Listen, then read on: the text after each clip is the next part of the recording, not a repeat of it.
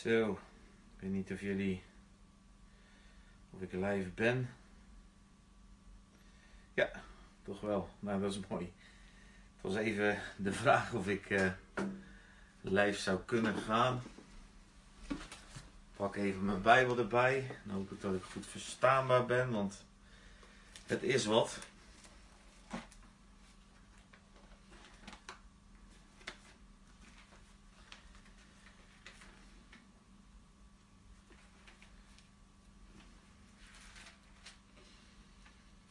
Zo.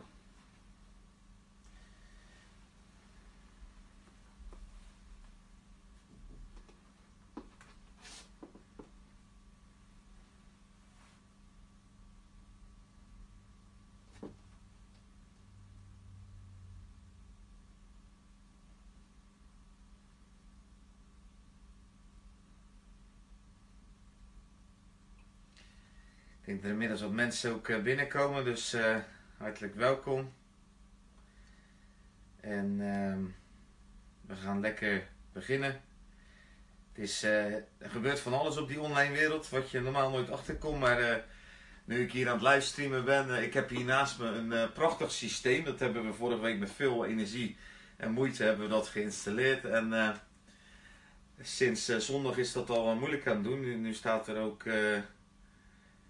een, uh, een, melding dat er een, uh, een DDoS aanval is en uh, dat er issues zijn. Nou, daar was ik inmiddels achter, want ik eh, kwam dus bijna niet online. Maar goed, gelukkig hebben we ook gewoon telefoontjes.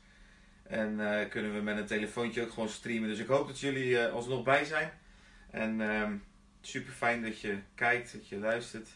Ik zie nog een beetje een rare beweging in het scherm. Dan zal ik even kijken of ik daar iets aan kan doen een bepaalde uh, kijken of dat nou is, wat is dat, wat is dat, misschien deze uit kan doen, maar dan wordt het wel een beetje donker. En dan doe ik even deze aan. oh oh. Zo, nou. Oeh. Ja, het blijft een beetje, het beeld blijft een beetje knipperen. Dus uh, ja, ik hoop dat jullie er geen last van hebben.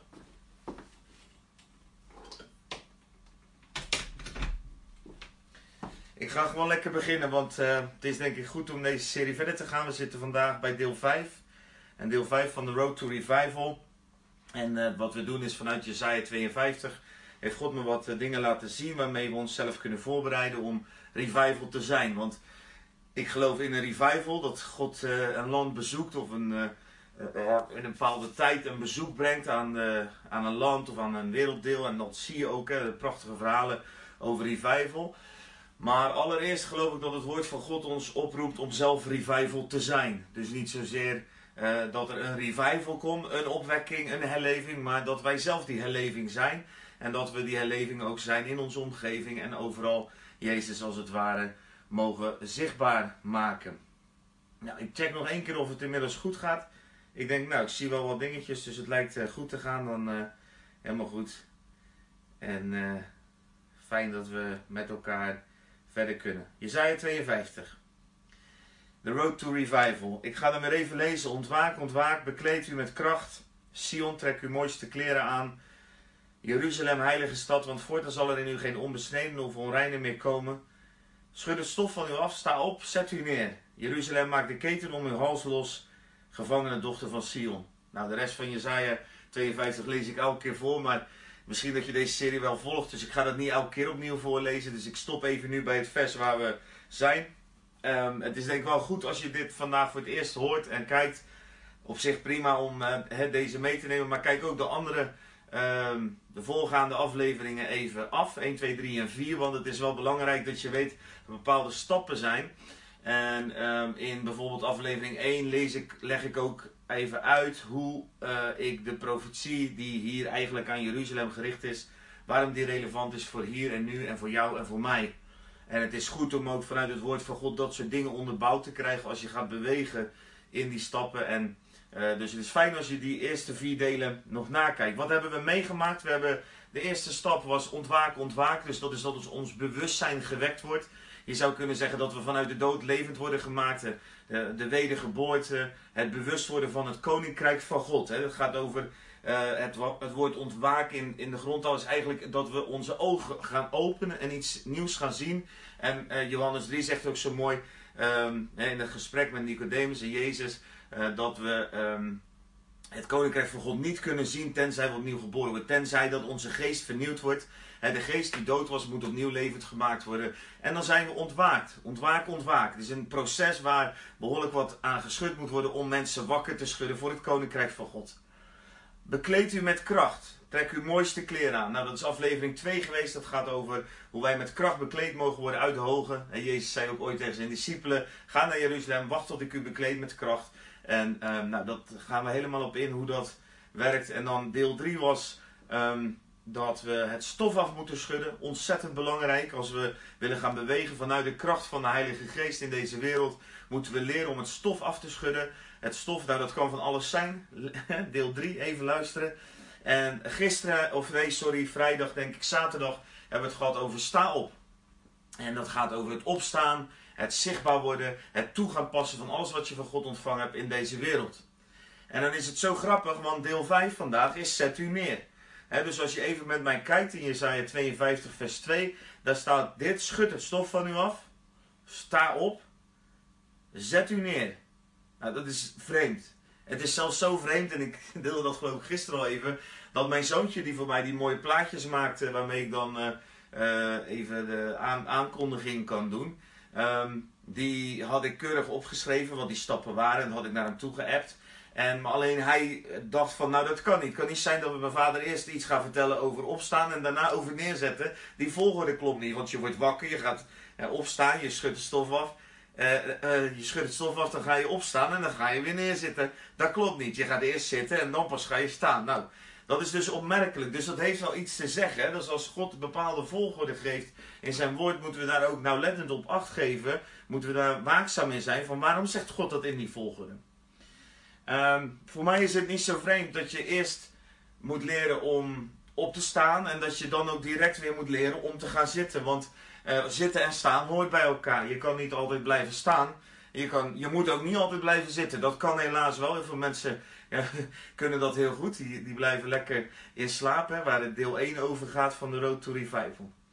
Maar hier zegt God dus gaat staan. Dus we hebben vorige keer het hele proces gehad waarin dat wakker worden tot en met dat opstaan. En dat we gaan staan in de dingen en dat we gaan bewegen vanuit het koninkrijk van God. Het koninkrijk van God ook gaan brengen. En hier staat dan direct zet je neer. En waar gaat dat nou over? Waarom moet je leren dat als je opstaat dat je je ook weer neer moet zetten? Nou, het is denk ik een van de belangrijkste lessen geweest van mijn leven. En ik heb al vele mensen ook gesproken in het koninkrijk. En die echt een hart hebben voor God, die dezezelfde lessen geleerd hebben. Je moet namelijk blijven bewegen vanuit de rust. Het lijkt een rare volgorde, maar als je met een sporter spreekt die topsport doet, en ik denk voor een deel dat als wij gaan bewegen in het koninkrijk van God, hè, als je het leven van Jezus ziet en zijn discipelen, daar zit ook een soort topsport in. Hè, Paulus die heeft het ook niet voor niets over de renbaan en de wedloop. Hè, dat zijn twee voorbeelden van nou ja, bijna olympisch niveau waar hij mee bezig is in zijn leven. En dan doe je dat dus altijd vanuit een balans. Een topsporter is niet de hele dag aan het trainen. Een topsporter heeft een hele gebalanceerde uh, verhouding tussen rust en tussen activiteiten. En dat is super belangrijk. En daarom is het ontzettend belangrijk dat we leren op te staan. Want als we niet opstaan, dan komen we helemaal niet in beweging. Dus dan is het helemaal niet relevant. Maar als we opstaan, moeten we net zo goed weer leren om ons voortdurend neer te zetten. Een sporter die plant dus zijn trainingen, maar die plant ook zijn rust. En ik denk dat dat misschien wel de belangrijkste les is waar ik met jullie nu doorheen ga. En waar ik ook vanuit mijn eigen leven inzichten in wil geven hoe belangrijk dat is. Want als dat niet gebeurt, als een sporter zijn rust niet neemt, als wij de wedloop gaan lopen, de renbaan gaan rennen. En wij leren niet om dat vanuit de rust te doen en telkens weer terug te komen in de rust. In het geval van een sporter, dan raak je overtraind. En als je overtraind bent, dan kan dat jaren van hun carrière kosten. Dat is heel ernstig. Um, maar ook in de christelijke wereld, of op het moment dat je gaat leven vanuit de kracht van God, is er uiteindelijk een risico dat je soms overbeweegt, als ik het zo mag zeggen. En dat je jezelf voorbij loopt. Je zou zelf zeggen, dat je in een burn-out raakt. En ik heb echt vele mensen gesproken die ehm, zelfs in de, al die prachtige dingen die ze in het Koninkrijk van God deden, vanuit een roeping en vanuit hun hart en waarvan ze wisten, God vraagt die dingen van mij, die uh, uiteindelijk in een soort van burn-out terechtgekomen zijn, omdat ze niet leefden vanuit de principes van God. En die ene zo'n superbelangrijk principe is dit: zet u neer. Dus na het opstaan leren we weer neerzetten. Gaan we ook weer zitten. Dat kunnen we niet alleen leren uit Jesaja 52, want dan zou het heel erg uit zijn verband getrokken worden. Maar we kunnen dat leren door heel de Bijbel heen. Je kan met iedere heilige zou je kunnen gaan zoeken naar die momenten dat ze soms te ver of te, te snel eigenlijk voor, de, uh, voor God uitrennen. En dat is een neiging die hebben wij. We kan ons persoonlijk enthousiasme zijn, maar dat kan ook doordat de Heilige Geest zo zijn passie en zijn volheid en al die nieuwe dingen en die kracht in ons leven komt, dat we zo een, een boost krijgen, dat we zo een verlangen krijgen, dat we zo een, een power in ons ervaren, dat we uiteindelijk onszelf voorbij lopen. En het risico is zeker aanwezig op het moment dat we nog in een omgeving verkeren of dat we nog een beeld van God hebben waar enigszins nog de wet in is. Want dan zullen we heel snel geneigd zijn om te gaan bewegen vanuit prestatie. Dus ja, we zijn opgestaan. Nou, kijk ons eens staan. En nou moeten we gaan werken. En we gaan hier een actie doen. En we gaan daar wat doen en daar wat doen. En dat zijn allemaal mooie, goede dingen. En, en de Heilige Geest is er ook nog in. En de dingen worden gezegend. En ondertussen toet, toet, toet, toet, toet. En in één keer dan stokt de kar, zou je kunnen zeggen. Alsof er een spaak tussen de wielen zit. En belanden mensen letterlijk of geestelijk in een burn-out. Ik heb dit zelf ook meegemaakt. Ik ben vrij plotseling tot Jezus gekomen. Dat is een verhaal apart. Ehm, maar het, het, kwam erop neer dat ik ehm, ehm, zo de kracht van God ervaarde dat ik uh, op de grond terecht kwam. En wat daar gebeurd is, dat was toen ik overigens nog zeer uh, rebelleerde tegen God. En, en, en, en het, het is altijd lastig om iets kort te vertellen als het een, een, wat een langer verhaal is, maar als ik heel kort hou, dan komt het erop neer. Michelle had Jezus leren kennen en door haar heen kwam Jezus in mijn leven. En dat was zo confronterend voor mij, omdat ik allerlei geheim had en allerlei dingen verborg voor Michelle, maar ja, voor iedereen in de hele wereld. Um, dat die confrontatie werd zo hard en um, ik had God eigenlijk aan de kant gezet. Ik had Goethe, Nietzsche, Darwin waren mijn goden, zou je kunnen zeggen. Die hielpen mij aan een levensovertuiging. Maar daar vond ik geen rust in. En in Michelle zag ik iets wat ik nog nooit eerder gezien had. Eén, zij veranderde. Zij werd een andere persoonlijkheid. Ze werd, ik zag de vrucht van de geest in haar leven openbaar komen. En um, dat ging ontzettend snel. En die confrontatie die in ons huis nam ook heel veel ver toe. En op een bepaald moment, het is een heel lang verhaal, maar op een bepaald moment um, was die confrontatie zo groot geworden. Toen heb ik het naar God, heb ik naar God uitgeschreeuwd. Toen zei ik, Heer, als u bestaat, dan is dit het moment dat u het moet bewijzen, want anders ben ik weg. Ben ik weg bij Michelle, was dat op dat moment eigenlijk wat ik uitschreeuwde. En ik had op dat moment ook al kinderen.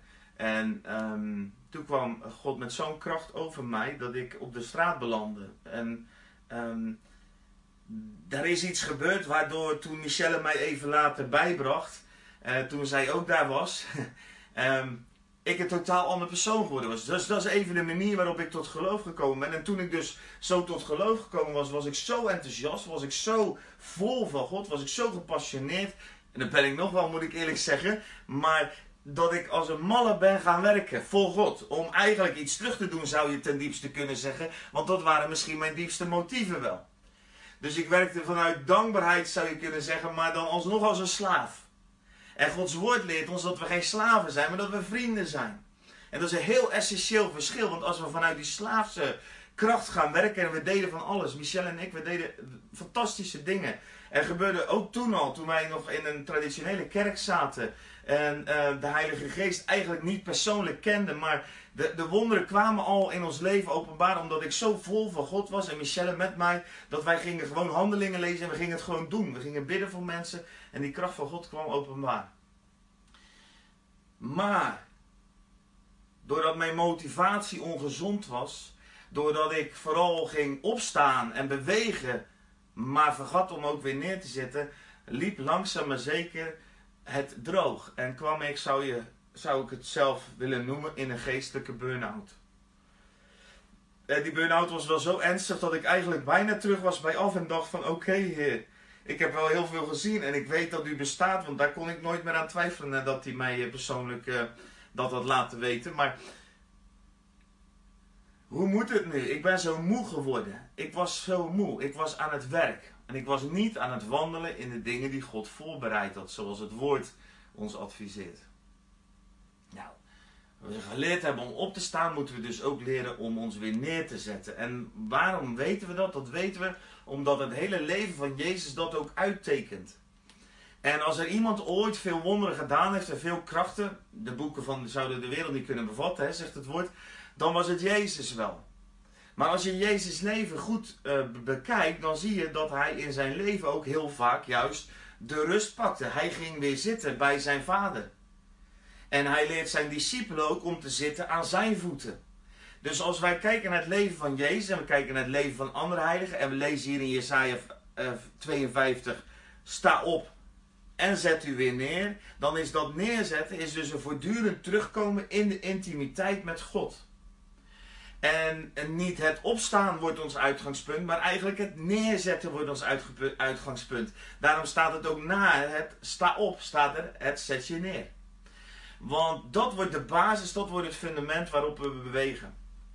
Ik zal je een paar teksten geven waarin Jezus dat ook uh, uh, laat zien. Matthäus 14, vers 23, dat is een hele mooie. Toen hij de menigte weggestuurd had, klom hij de berg op om in afzondering te bidden. En toen het avond was geworden, was hij daar alleen. Dus Matthäus 14, vers 23. Kijk, je leest zoiets makkelijk. Hè? Toen hij de menigte weggestuurd had, klom hij de berg op. Maar dan moet je voorstellen, als je, dat even, als, als je dat even visualiseert voor jezelf. Daar zijn dus die duizenden mensen. En die duizenden mensen komen naar Jezus om onderwijs te krijgen. Die komen daar met hun zieken. Die reizen soms twee, drie dagen. Dat kan je ook lezen. Ook in Johannes 6 bijvoorbeeld. Maar ook in Matthäus 14. Die komen daarheen, die hebben dagen gereisd, die zijn daar naartoe gekomen om hun zieken te brengen enzovoort. Maar op een bepaald moment zegt Jezus gewoon: Het is genoeg. Ergens anders staat ook: Hij verlaat de schade. Soms stapt hij in een boot, vaart hij gewoon naar de overkant van het meer en de schade blijft achter. En als je in kracht gaat bewegen en als je op gaat staan en je gaat bewegen, dan zal je merken dat er geen einde is aan die beweging als je jezelf niet heel bewust neerzet. Want dat doet Jezus ook. Als wij van Jezus dat kunnen zien, moeten wij dat ook leren. Ik zal je nog een voorbeeld geven. Johannes 6, vers 2 en 3. En een grote menigte volgde hem, omdat zij de tekenen zagen die hij deed aan de zieken. Maar Jezus ging de berg op en ging daar zitten zette zich neer met zijn discipelen. Hij zette zijn discipelen ook om zich heen. Wij mogen ook elke keer terugkomen aan zijn voeten en ons daar neerzetten, zoals het thema van vandaag is. Ik zal je nog een andere geven. En het geschiedde in die dagen dat hij naar de gebergte ging om te bidden. Hij bracht de nacht door in het gebed tot God. En toen het dag geworden was, riep hij zijn discipelen tot zich, koos er twaalf uit, die hij apostelen noemde. Hij kiest voor de berg. Dat is ook een mooi beeld en daar ga ik nu niet al te lang op in. Maar Psalm 121 bijvoorbeeld, hè, daar staat dat uh, onze ogen zijn opgericht naar de bergen, want daar komt onze hulp vandaan. Hè. Dus in de Bijbel is de berg ook de plaats waar de ontmoeting met God ook altijd is.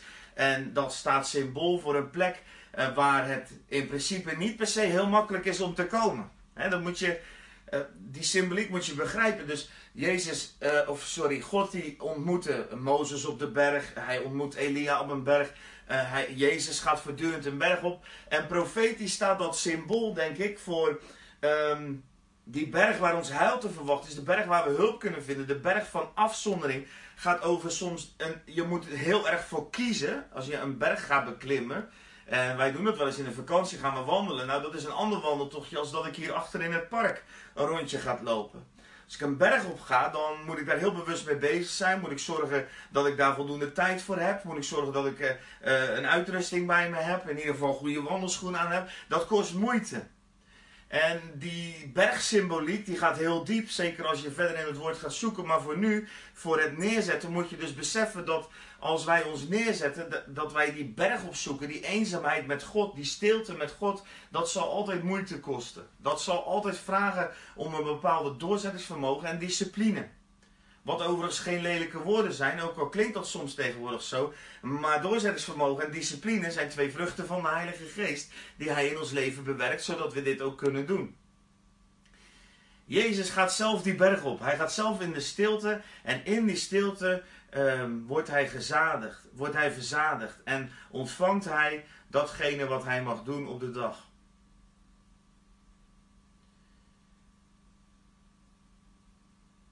En eh, ik zal nog één tekst, ik zie hem hier, is ook een mooie, heel essentiële tekst. Door, door de Johannes 6, vers 15 er staat, daar Jezus bemerkte dat zij zouden komen en hem met geweld meevoeren om hem koning te maken, trok hij zich weder terug in het gebergte, geheel alleen. Deze vind ik mooi omdat het spreekt over wat er gebeurt soms in je leven en ik weet niet hoe dat in jouw leven is, maar in mijn leven, als je een bediening hebt of als je uh, in een gemeente beweegt, of er gebeuren gewoon krachtige dingen door je leven heen, of je helpt mensen, um, dan zie je vaak dat mensen jou direct op een bepaalde positie willen zetten. Als jij door die stappen heen gaat en je hebt dat stof afgeschud en je komt in beweging en Gods kracht gaat door jouw leven heen stromen, en uh, dan hoef je niet direct een gemeente of een megabediening te hebben. Al is dat maar gewoon met je buren of de mensen om je heen. Uh, zoals Michel en ik jarenlang gewoon pastoraal werk deden. En voor mensen baden. De kracht die dat geeft en de, dat wat mensen bij jou kunnen vinden. Um, dat is eigenlijk dat wat God geeft. En als jij vergeet. En dat is ook het gevaar wat er dus in het gedrag van mensen zit. Wat je in deze tekst zit als jij vergeet mensen aan God te connecten, maar mensen raken aan jou geconnect, dan staat hier zo dat ze Jezus wilden, met geweld wilden meevoeren om hem koning te maken. Ze wilden Jezus in een positie stellen waar zelfs Jezus niet in wilde. Want, um, en hij trok zich gewoon terug. Hij zei: Oké, dan houdt het op. Dan, dan stopt het hier. Het is dus super belangrijk als we het hebben over dat neerzetten, dat we leren om grenzen aan te geven. En dat zijn de grenzen die voor iedereen uniek zijn. Die kan je niet vergelijken met anderen, hoewel ik er straks wel een aantal dingen over ga zeggen. Hoe je op een bepaalde gezonde manier grenzen kan maken en grenzen kan trekken, ook vanuit het woord. Als je. Kijk hoor, mijn aantekeningen. Als je hier dus hoort dat Jezus die op een positie wilde, wil, de mensen wilden Jezus op positie zetten, dan is dat dus een profetisch, is dat ook voor jouw leven van toepassing. En je zal merken als je mensen helpt, of je bent tot zegen, of Gods kracht stroomt door je handen en er komen genezing of iets, dan gaan mensen proberen om ook jouw koning te maken. En dan is dus de oplossing dat je jezelf terugtrekt in de stilte en in de eenzaamheid met God, waarbij God weer alle eer kan krijgen en jij ook weer helemaal terugkomt in het besef dat het enige wat jij kan doen ook gegeven wordt vanuit de hemel. En dat dat iets is uh, wat jij niet vanuit jezelf kan doen. Ja, dit deed Jezus dus ook. Dus heel essentieel. Dus we staan op, maar we leren ons vooral ook weer neer te zetten. Zoals ik net al heb uitgelegd. Net als die topsporter die zowel zijn training als zijn rust plant. Het is voor Jezus een way of life. Dus ik, ik pak nog een paar teksten omdat ik je zo wil overtuigen. Want ik hou van mensen die in kracht bewegen. En ik hou van mensen die Gods glorie brengen. En ik, ik, ik honger naar die revival. Als vele mensen in de kerken op zullen staan. En in deze manier in hun leven zullen gaan bewegen. En de liefde en de kracht van God zullen openbaar maken. Maar je moet dus leren dat neer te zetten. Dat die way of life die Jezus had. En daarom wil ik nog een tekst geven waarin je ook kan lezen hoe Jezus dat deed. Daar staat dit. Overdag leerde hij in de tempel, doch de nachten bracht hij buiten door op de berg, de Olijfberg genaamd. En al het volk kwam s morgens vroeg tot hem in de tempel om naar hem te luisteren. Lucas 21, vers 37 en 38. Dus Jezus gaf zichzelf overdag. Hij leerde aan het volk en hij onderwees hen en hij genas hun zieken. Maar in de avonden en de nacht was hij te vinden in die eenzaamheid, in die stilte, waar zijn vader ook was. Of bij zijn vrienden, want dat is ook belangrijk. We moeten terugkomen aan zijn voeten, telkens weer. Ik pak even wat water. Dat is wel mooi symbolisch ook voor uh, de tekst die ik nu uh, met jullie uh, wil gaan bekijken. Gaat het goed allemaal met jullie? Ik zal even jullie een hartje geven. Oké. Dan zie ik in ieder geval dat ik er nog ben. Ja, gaat goed.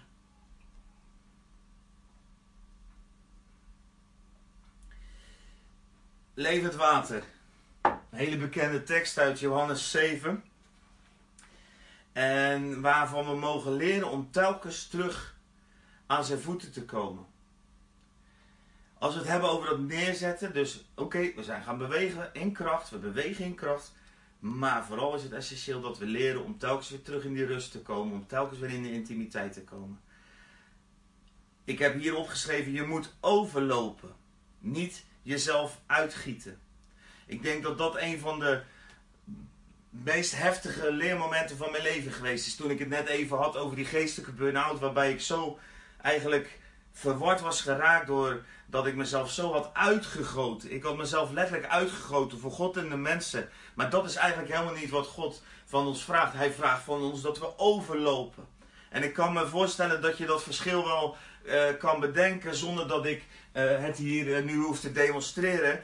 Maar als je overloopt, dan is er een voortdurende stroom en dan stroomt dat er overheen en dan bevruchtigt en bevrucht dat de aarde om je heen. Als je uitgiet, dan keep je iets leeg. En let maar eens op je woorden. Als je hart gaat voor andere mensen, als je hart klopt voor andere mensen en net als Jezus beweegt, dan zijn we zo snel geneigd om onszelf uit te gieten. Maar we moeten overlopen. Onthoud alleen, als je alleen dit onthoudt, dan is mijn missie voor vandaag al geslaagd. Dus je moet, niet, je moet overlopen en niet jezelf uitgieten. Want als je jezelf uitgiet, dan raak je leeg. En als je leeg bent, dan heb je niets meer te geven. En zeker niet datgene wat uit de hemel komt. Want het enige wat je nog kan geven als je leeg bent, dat ben jij zelf. Nou wil ik je echt van een illusie afhelpen. Maar aan jouzelf hebben mensen niet heel veel. Want het is de zalving en de, en, de, en de kracht van de Heilige Geest die jukken breekt in levens van mensen. En die leven brengt. Dat kan je zelf niet doen. Dus je moet overlopen en niet jezelf uitgieten. Telkens weer terug aan zijn voeten. op de laatste, de grote dag van het feest, stond Jezus daar en riep: Als iemand dorst heeft, laat hij tot mij komen en drinken. Wie in mij gelooft, zoals de schrift zegt, stromen van levend water zullen uit zijn binnenste vloeien. En dit zei hij over de geest die zij in hem geloven ontvangen zouden. Want de Heilige Geest was er nog niet, omdat Jezus nog niet verheerlijkt was op het moment dat Jezus deze woorden uitspreekt, is hij nog niet gestorven en is hij nog niet opgestaan. Dus is de Heilige Geest ook nog niet gegeven, want die is pas gegeven nadat Jezus naar de hemel terug is gegaan. Maar het principe wat hij hier onderwijst gaat wel over hoe wij nu er zijn, want de Heilige Geest is er nu wel. En wat hij hier onderwijst is dat als wij tot hem komen en drinken, dat er dan stromen de water uit onze binnenste zullen vloeien overflow. We zullen overstromen, zou je het vanuit de grondtekst eigenlijk moeten zeggen. We zullen overvloeien. Vanuit ons binnenste. Dus niet uitgieten. Zo belangrijk dat we leren om te dorsten. Dat we leren om telkens weer terug te komen. En al die teksten die ik net opgenoemd heb, waar je ook kan leren hoe Jezus dat zelf deed. Kijk, mensen zeggen, ik, die ervaring heb ik ook. De Heilige Geest, dat is, klinkt misschien in jouw oren misschien een beetje raar. Um, maar de Heilige Geest heeft er altijd zin in. Die gaat altijd door. Dat is natuurlijk niet helemaal waar, want de Heilige Geest wil jou ook aan alle kanten helpen om jezelf te beschermen en te beheersen en te bewaken. Want dat is de opdracht, maar dat mandaat ligt primair bij ons mensen zelf. Wij moeten leren om onze tempel gezond te houden. Wij moeten leren om onze tempel te beheren en te beheersen. En de Heilige Geest die daarin gestort is, is zo'n kracht die kan altijd doorgaan. Je moet je voorstellen, als je je verdiept in revival en in revivalisten, dat heel veel mensen die revival gebracht hebben en die hele grote kracht en die de duizenden, de massa's tot, tot geloof zijn gekomen, eigenlijk stuk gegaan zijn op het feit dat ze wel opgestaan zijn, maar dat ze niet weer zijn gaan zitten. Um, als je kijkt naar grote namen zoals uh, een Whitefield bijvoorbeeld, uh, dan zie je dat. Um, in zijn leven er echt een, een dat, ja, dat het gewoon vaak geroofd werd. Dat mensen echt in een burn-out kwamen. Of dat ze lichamelijk zo vermoeid waren. Of zo door ziekte geplaagd werden. Omdat ze eigenlijk geen tijd en geen, geen rust hadden. Omdat ze zo die kracht van de Heilige Geest ervaren en altijd maar doorgingen. Terwijl het woord van God leest dat wij zelf leert dat wij zelf onze grenzen moeten bewaken. Neem het leven van Jezus. Als hij nooit was gaan slapen, als hij altijd doorgegaan was, ja, dan had hij waarschijnlijk twee keer zoveel mensen kunnen genezen. Maar voor hoe lang? voor hoe lang kan je doorgaan? Je bent gewoon mens. Jezus, toen hij mens werd, werd heel anders als op het moment dat hij nog geest was. Hij deed dus eigenlijk, hè, zo zou je kunnen zeggen, hij deed zichzelf ook in een quarantaine. Hij maakte zichzelf eigenlijk ehm, tot mens. En, en omdat hij mens geworden was, had hij dezelfde beperkingen ook als jij en ik. Dus als we het hebben over ons neerzetten, gaat het allereerst om die intimiteit met God zelf. Dat we terugkomen in de rust telkens weer. Ten tweede gaat het er dan ook om dat we diezelfde intimiteit die we vanuit God hebben, dat we ook op dezelfde manier omgaan met de relaties om ons heen. Dat dat hoort ook bij dat neerzetten. Want anders is het risico daar dat we als een soort Einzelganger over door het leven gaan. En oké, de kracht van God en de zalving is op je leven. En je hebt een roeping. En God die doet mooie dingen door je heen. Maar wie is er dan nog om jou heen die op een bepaald moment ook jou nog kan vormen en die jou kan corrigeren als je nergens meer je contacten onderhoudt? Iedereen bent kwijtgeraakt. Toen God mij riep, was een van mijn, mijn, mijn grootste zorgen: hoe zal het verder gaan dan met mijn huwelijk en mijn kinderen? En ik weet nog dat ik dat met God aan het bespreken was. Dat ik me echt, daar echt serieus zorg over maakte. Omdat ik maar weinig mensen kende die in het koninkrijk van God bewogen en daar een roeping in hadden en een missie en die een echt een gezond gezin hadden. En ehm, dat klinkt misschien wat, wat, ruw, want ik kende wel, maar ik kende er niet heel veel. En de voorbeelden de, van mensen die ik uh, zo om me heen had, die uh, vond ik spannend. En ik had, maar ja, ik, ik had het leuk met Michelle en ik had het leuk met mijn kinderen. En ik hou ontzettend veel van mijn kinderen. En ik wilde dat heel graag zo houden, want ik wist, het kan nooit tegenstrijdig zijn. Het kan nooit zo zijn dat je roeping zo'n offer van je vraagt, dat je gezin daaraan ten onder gaat. Want mijn gezin is je eerste gemeente. het gezin wat God je geeft en je vriendengroepen is je eerste gemeente. En zo kwam ik naar huis toe en ik maakte me daar erg zorgen over. En toen heb ik op een hele bijzondere manier heb ik een les geleerd door iemand heen op een conferentie. En die wil ik graag met jullie delen, omdat ik denk dat dat net zo belangrijk is. Als dat, dat als je op gaat staan, als je gaat bewegen in kracht, dat je leert om je telkens neer te zetten in de intimiteit met God. Maar dat je ook telkens opnieuw de tijd neemt en dat kostbaar en duidelijk doet voor je vrienden en de mensen om je heen. Want God is een God van relatie. Eh, horizontaal, hij is mijn vader, maar hij is ook onze vader. Dus hij heeft ons niet ook voor niks aan elkaar verbonden. En dat kan ook een enorme zegen zijn, maar het is ook een enorme ehm, insurance, dus een, een, verzekering dat jij op een bepaald moment nog gecorrigeerd kan worden en dat je ook gezond in je hoofd blijft als de kracht van God op je leven toeneemt. Dus, wat ik ooit leerde was dat, ehm, dat ik leerde denken in kringen. En dan heb je het allereerst over die eerste kring. Nou, daar heb ik het net uitgebreid over gehad. De eerste kring, in helemaal in het midden. En je zou dit uit kunnen tekenen. Als je nu even een cirkeltje zet, dan zet je daarin, dan zet je een kruisje en dan zet je daarnaast ik. In de innerste cirkel, in de, in de, in de binnenste cirkel, is uh, jij en God. En eigenlijk draait alles in jouw leven om dat binnen die eerste kring. Daarom is het je neerzetten zo ontzettend belangrijk. Telkens weer opnieuw. Ik heb hier opgeschreven: in de stilte met God leer je pas echt jezelf liefhebben.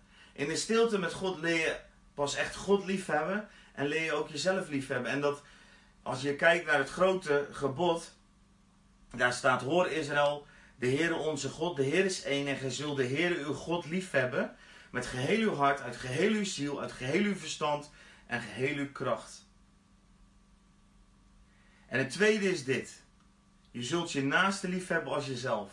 En een andere gebod groter dan deze bestaat er niet.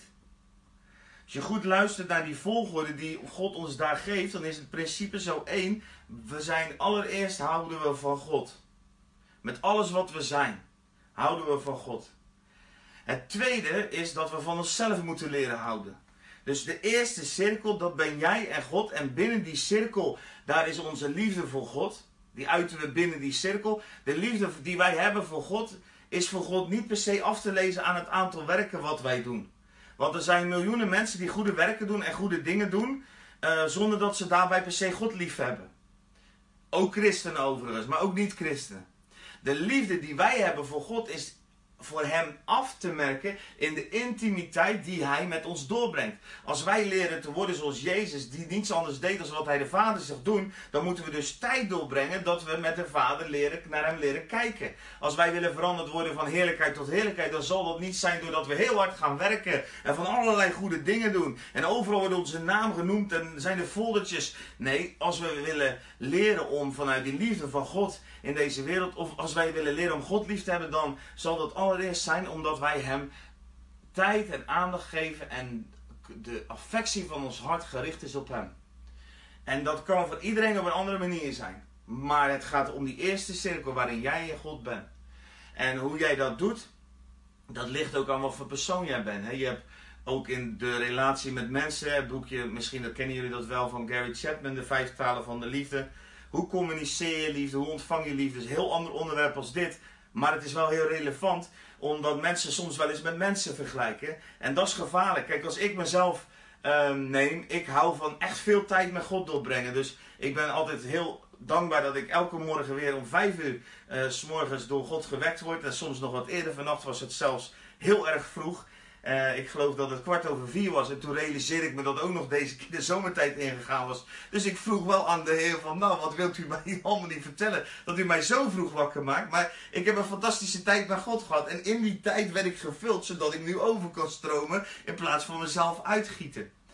Dus in die tijd met God, ik, ik hou van dat. Ik hou van gewoon tijd met God. En gelukkig helpt hij me erbij maar dat betekent wel dat ik ook op tijd naar bed moet gaan. En dat ik ook op bepaalde dingen moet letten. En dat ik soms ook, als ik heel gezellig met mensen zit te praten, ook eventjes af moet kappen. Als ik merk dat ik al te moe ben. Want mijn prioriteit ligt bij mijn tijd met God. Dus ik hou van tijd.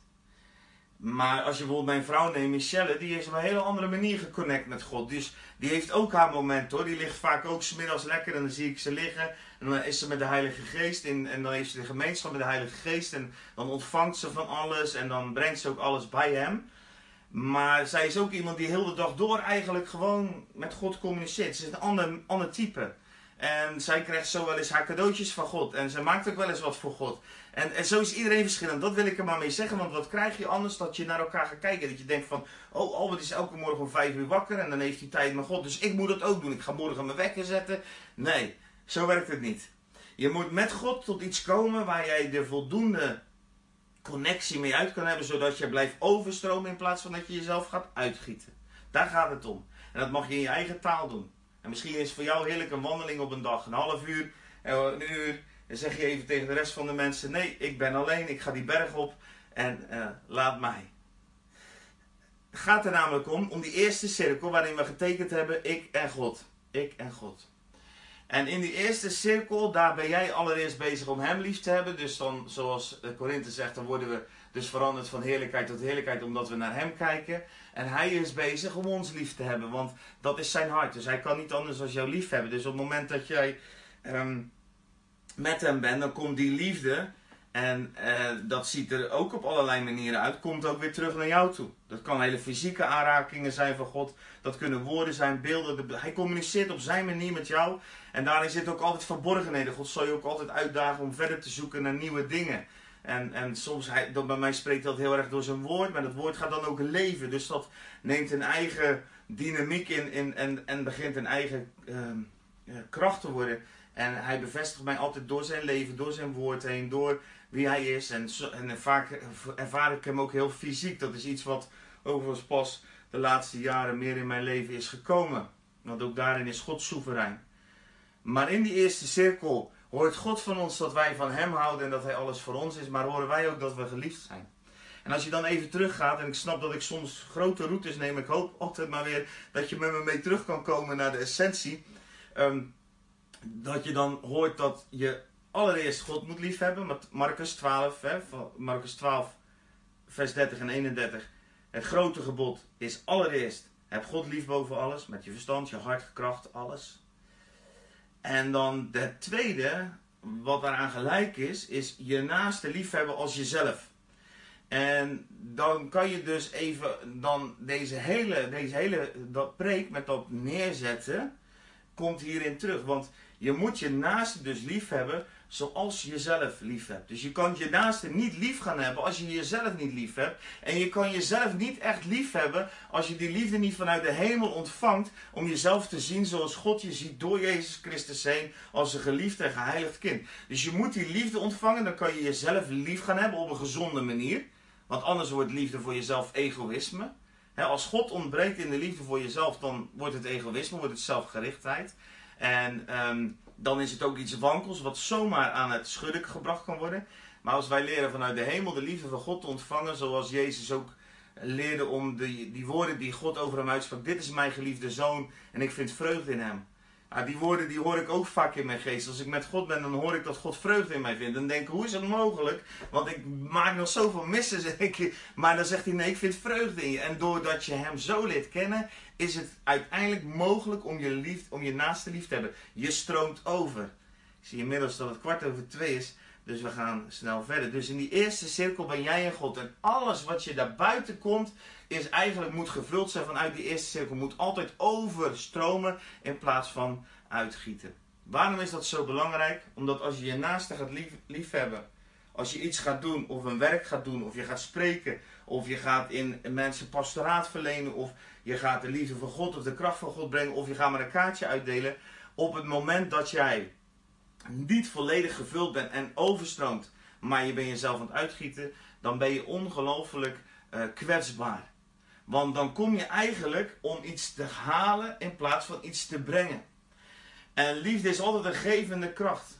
En als wij buiten de eerste cirkel van God stappen, naar die cirkels om ons heen met al die andere mensen, daar kom ik zo nog even op terug, en wij zijn niet volledig gevuld, wij stromen niet over, maar we moeten onszelf uitgieten, dan zijn we ontzettend kwetsbaar en ontzettend gevoelig voor manipulatie. om even terug te gaan naar die tekst, als dan, uh, waar, waar staat dat Jezus, dat mensen zouden komen, Johannes 6, vers 15. Wat Jezus merkte dat ze zouden komen en hem met geweld mee zouden voeren om een koning te maken op het moment dat jij vanuit die eerste cirkel komt, je bent niet volledig gevuld. En mensen gaan wel dat de kracht van God in jouw leven zien. En ze willen jou koning maken van hun leven of hè, wat ze ook maar zien in je. Mensen die willen heel graag elkaar soms verheffen. In plaats van dat ze de koning verheffen. Hè. Dus willen ze jou als koning in plaats van, van dat ze God als koning willen. Toen Jezus dat merkte, trok hij zich terug in het gebergte geheel alleen. Hij ging gelijk naar zijn vader. Maar op het moment dat als jij in die eerste kring niet volledig gevuld bent en mensen gaan dat buiten die eerste kring doen, dan word je gevoelig voor manipulatie, toverij. Dan zal je gevoelig worden om inderdaad te denken dat je heel bijzonder bent. En dat je inderdaad wel iets heel bijzonders hebt.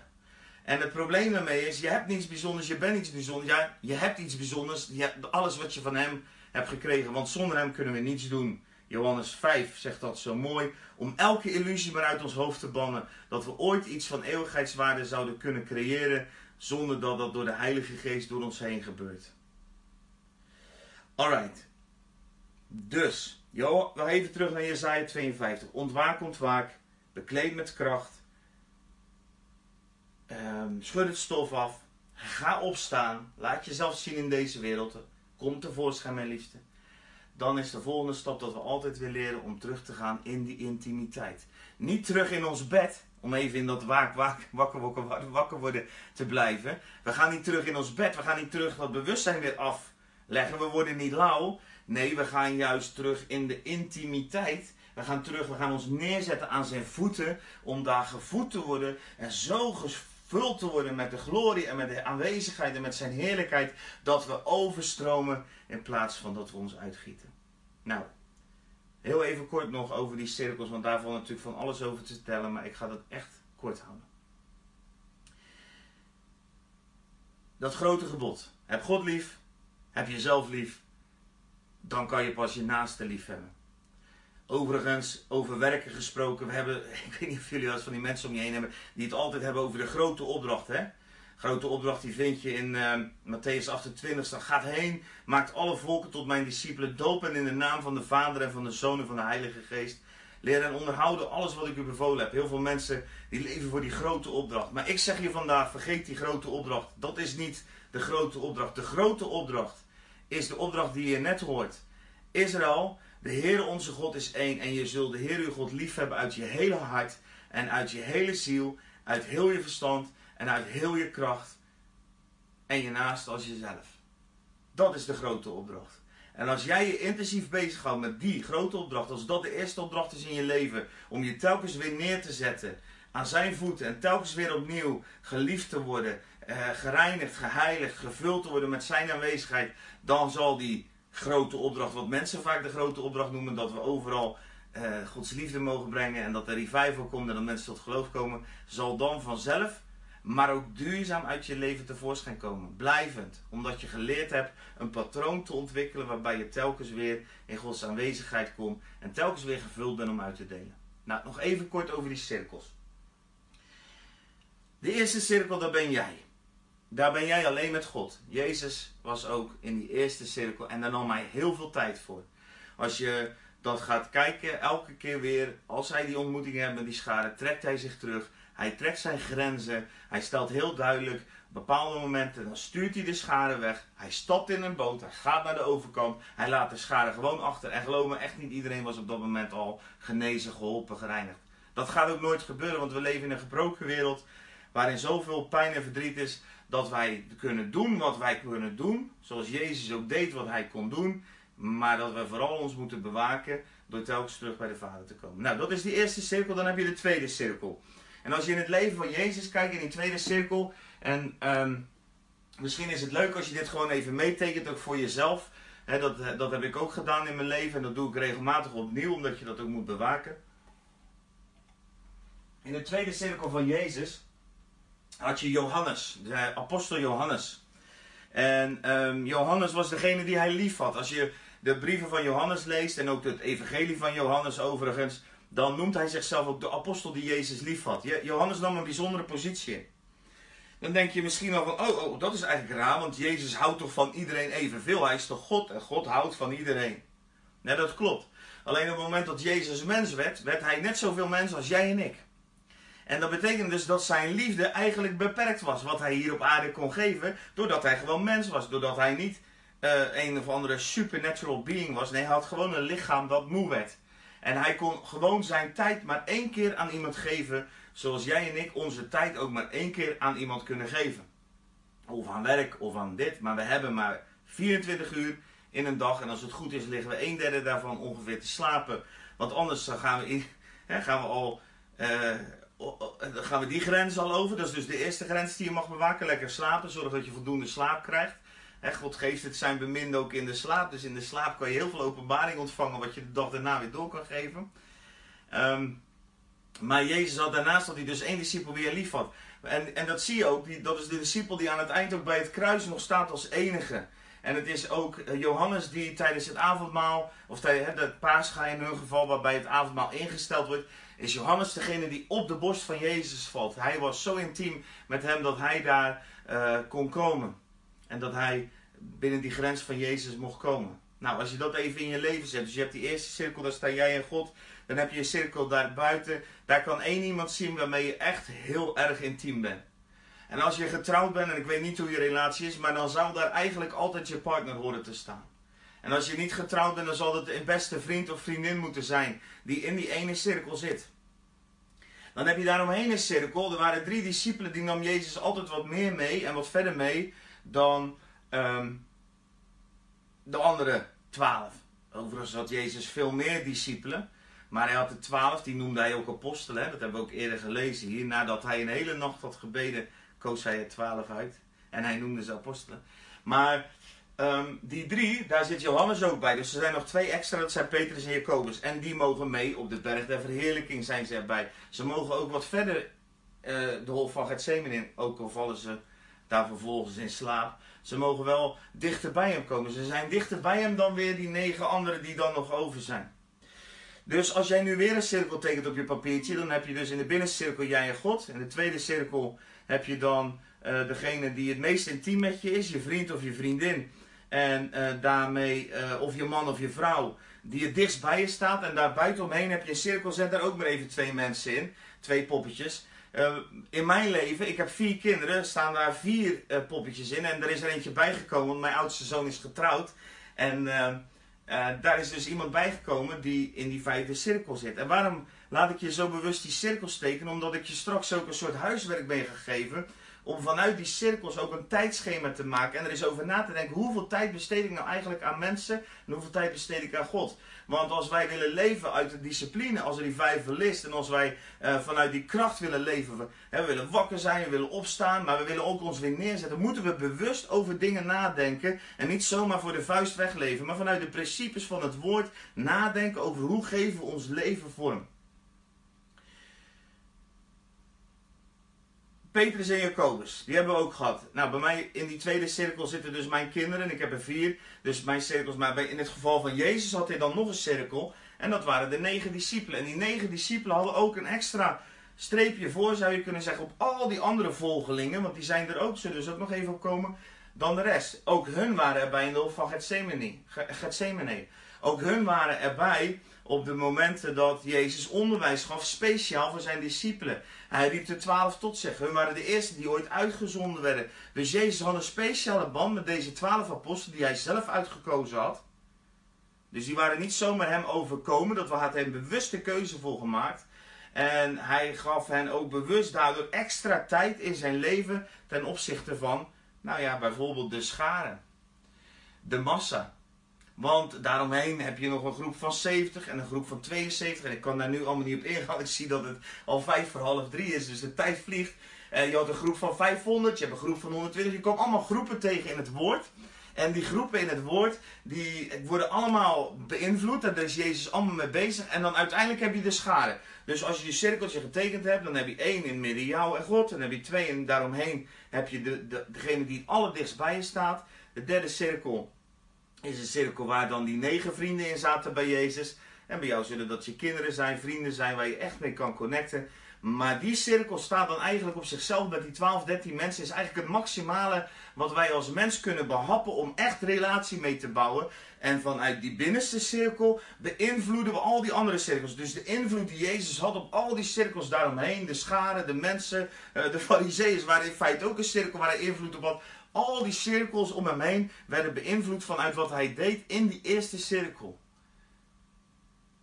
Nou, het is een belangrijk principe. Dus je kan je tijd maar één keer weggeven. Een derde van je tijd slaap je ongeveer, minstens.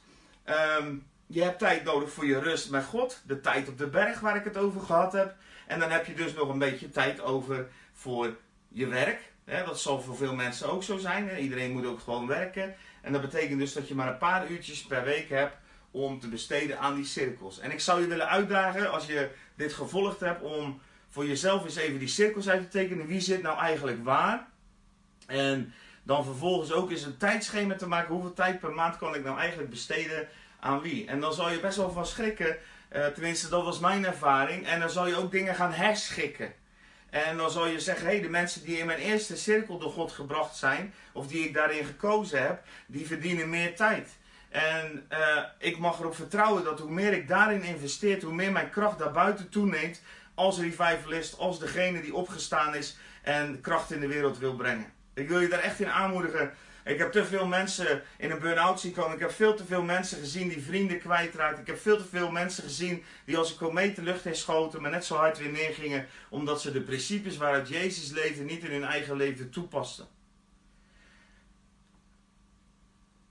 Jezus in Johannes 6 komt hij van, hij heeft zich teruggetrokken in het gebergte alleen, want de mensen wilden hem koning maken.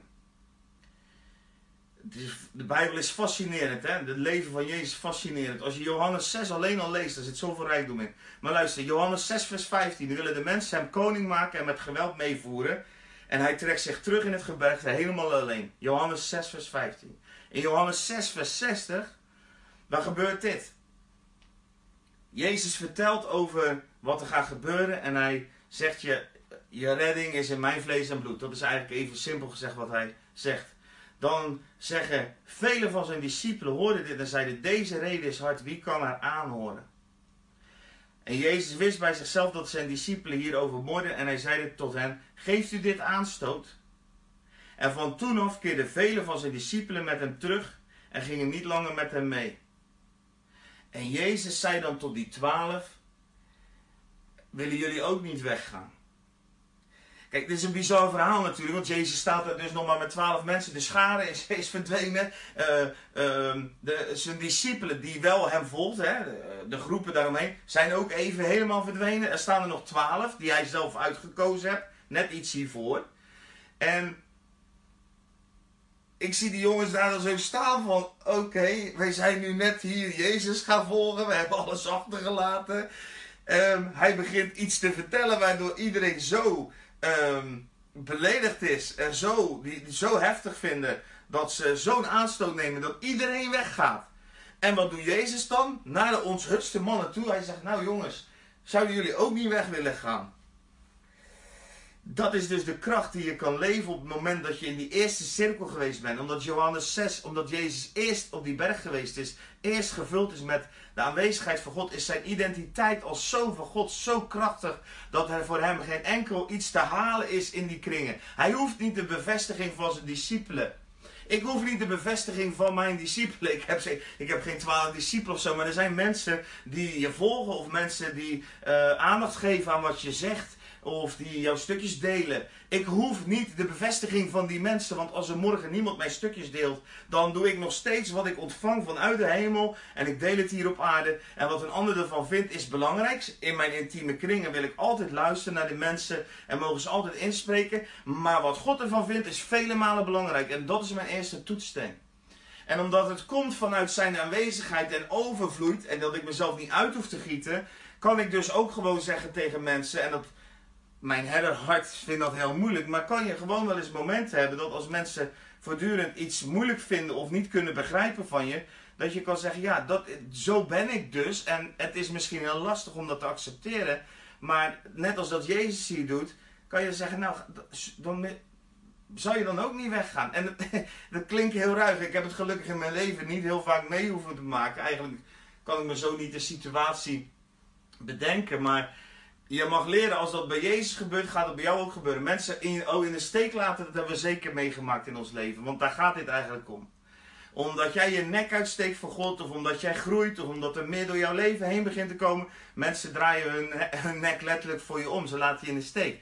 En dat geeft helemaal niet, want jij weet gewoon: oké, God, u heeft mij gevuld, ik ben op een missie bezig die u mij gegeven hebt. Ik ben corrigeerbaar door de mensen in mijn cirkels, maar daarbuiten mag ik gewoon dat doorgeven wat u mij gegeven hebt. Ik stroom over van uw liefde. Johannes 6, vers 67.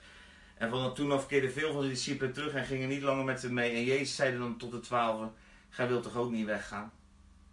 Nou, dan, als je door zoiets heen gaat, dan moet je het stof weer afschudden. En dan moet je weer opnieuw gaan staan.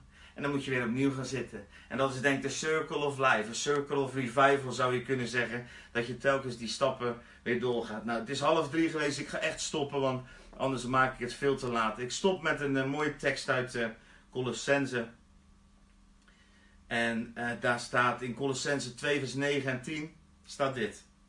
Want in hem is de goddelijke volheid lichamelijk aanwezig. En omdat u één bent met hem, het hoofd van alle macht en krachten, bent ook u van die volheid vervuld.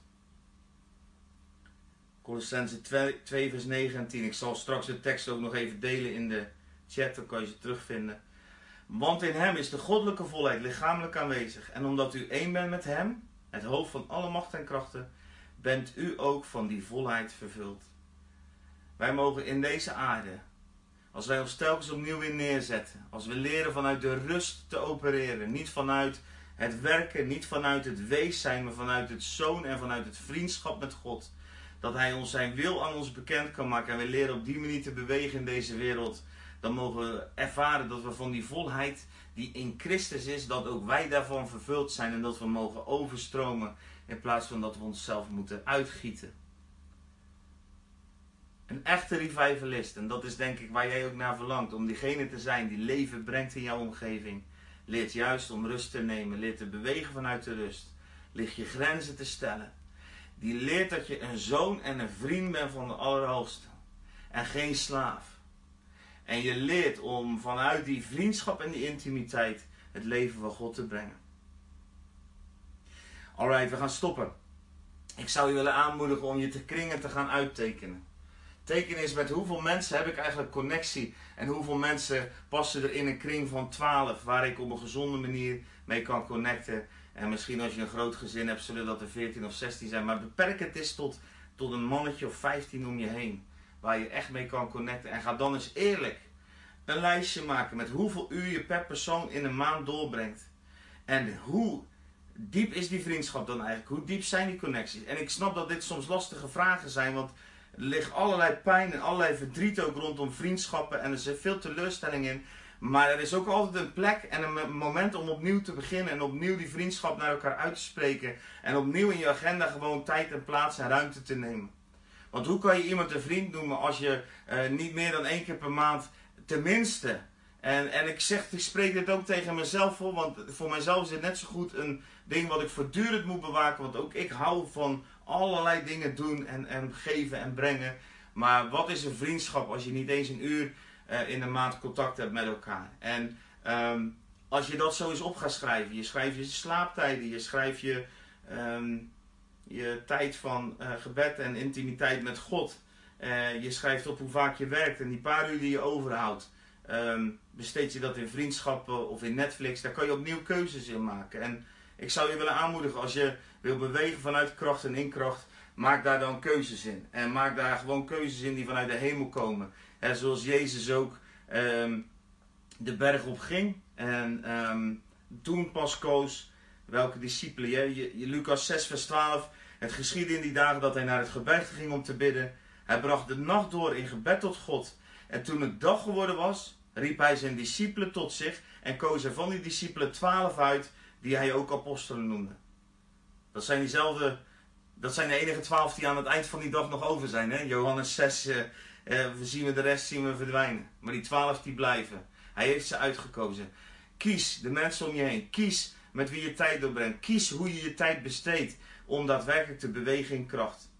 Ik wil je vragen als je met mij dit ook af wil sluiten, dat we daarin ook weer een keuze mogen maken. Want ik geloof dat keuzes onze wil in beweging zetten. En als wij onze wil in beweging zetten en onze wil zetten op de dingen van Gods wil, dan worden de verlangens van ons hart uh, werkelijkheid. En vader, als we zo voor uw troon staan, dan willen we een keuze maken, Heer, om niet alleen op te gaan staan en te gaan rennen en te gaan vliegen, maar juist om telkens weer neer te gaan zitten, bij u terug te komen.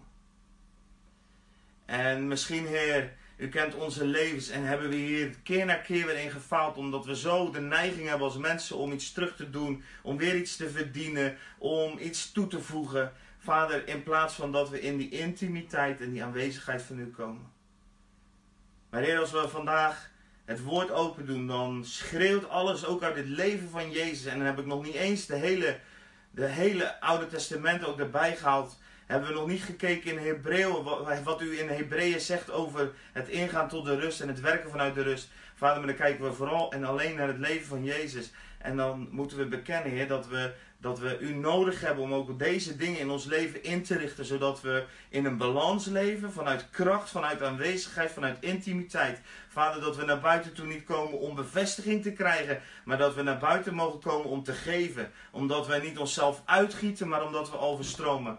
En ik wil je vragen, als je die keuze met mij wil maken om een leven te leven van overflow, van overstromen, in plaats van uitgieten, dat je je hand op je hart wil leggen.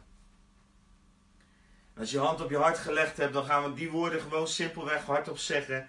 En ik weet niet of je dat op dit moment kan doen, maar ik wil je vragen, als je dat kan doen, om dat hardop met mij te doen, zodat de hele hemelse gewesten en al die machten en krachten die onderworpen zijn aan Jezus, ook vanaf de aarde horen dat jij kiest voor intimiteit, dat jij ervoor kiest om niet uitgegoten te worden, niet jezelf uit te gieten, maar om ervoor te kiezen dat je overvloeien mag.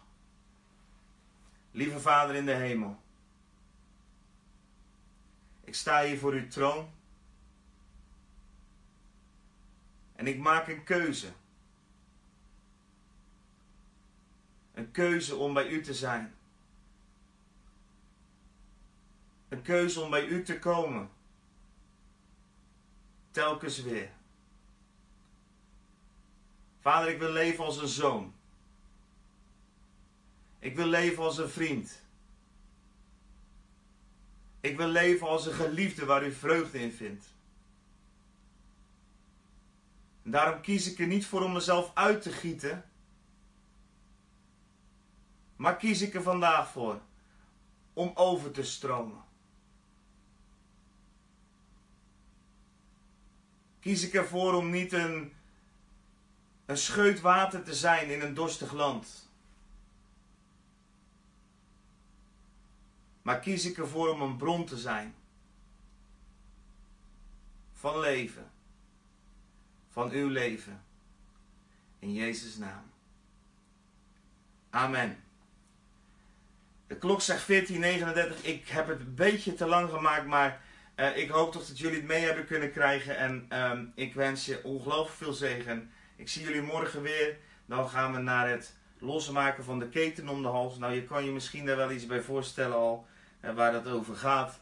Uh, heel essentieel en een van de meest Um, de, een van de, volgens de, de cijfers van de Nederlandse, uh, wat ik op mijn website tegenkom, is het een van de grootste angsten voor mensen om te spreken in het publiek. En dan bedoel ik niet eens dat je voor een gemeente staat, maar gewoon je mond open te doen in een kleine groep alleen al. Nou, daar gaan we morgen gaan we daarover kijken wat het woord erover zegt, maar dan gaan we ook de Heilige Geest uitnodigen om daar krachtig in te komen. Voor nu, ik hou van jullie. Ik zal zo de teksten nog even delen zoals ik dat ook de andere dagen gedaan heb. En uh, ik vond het weer heerlijk om met jullie geconnect te zijn. Veel blessings.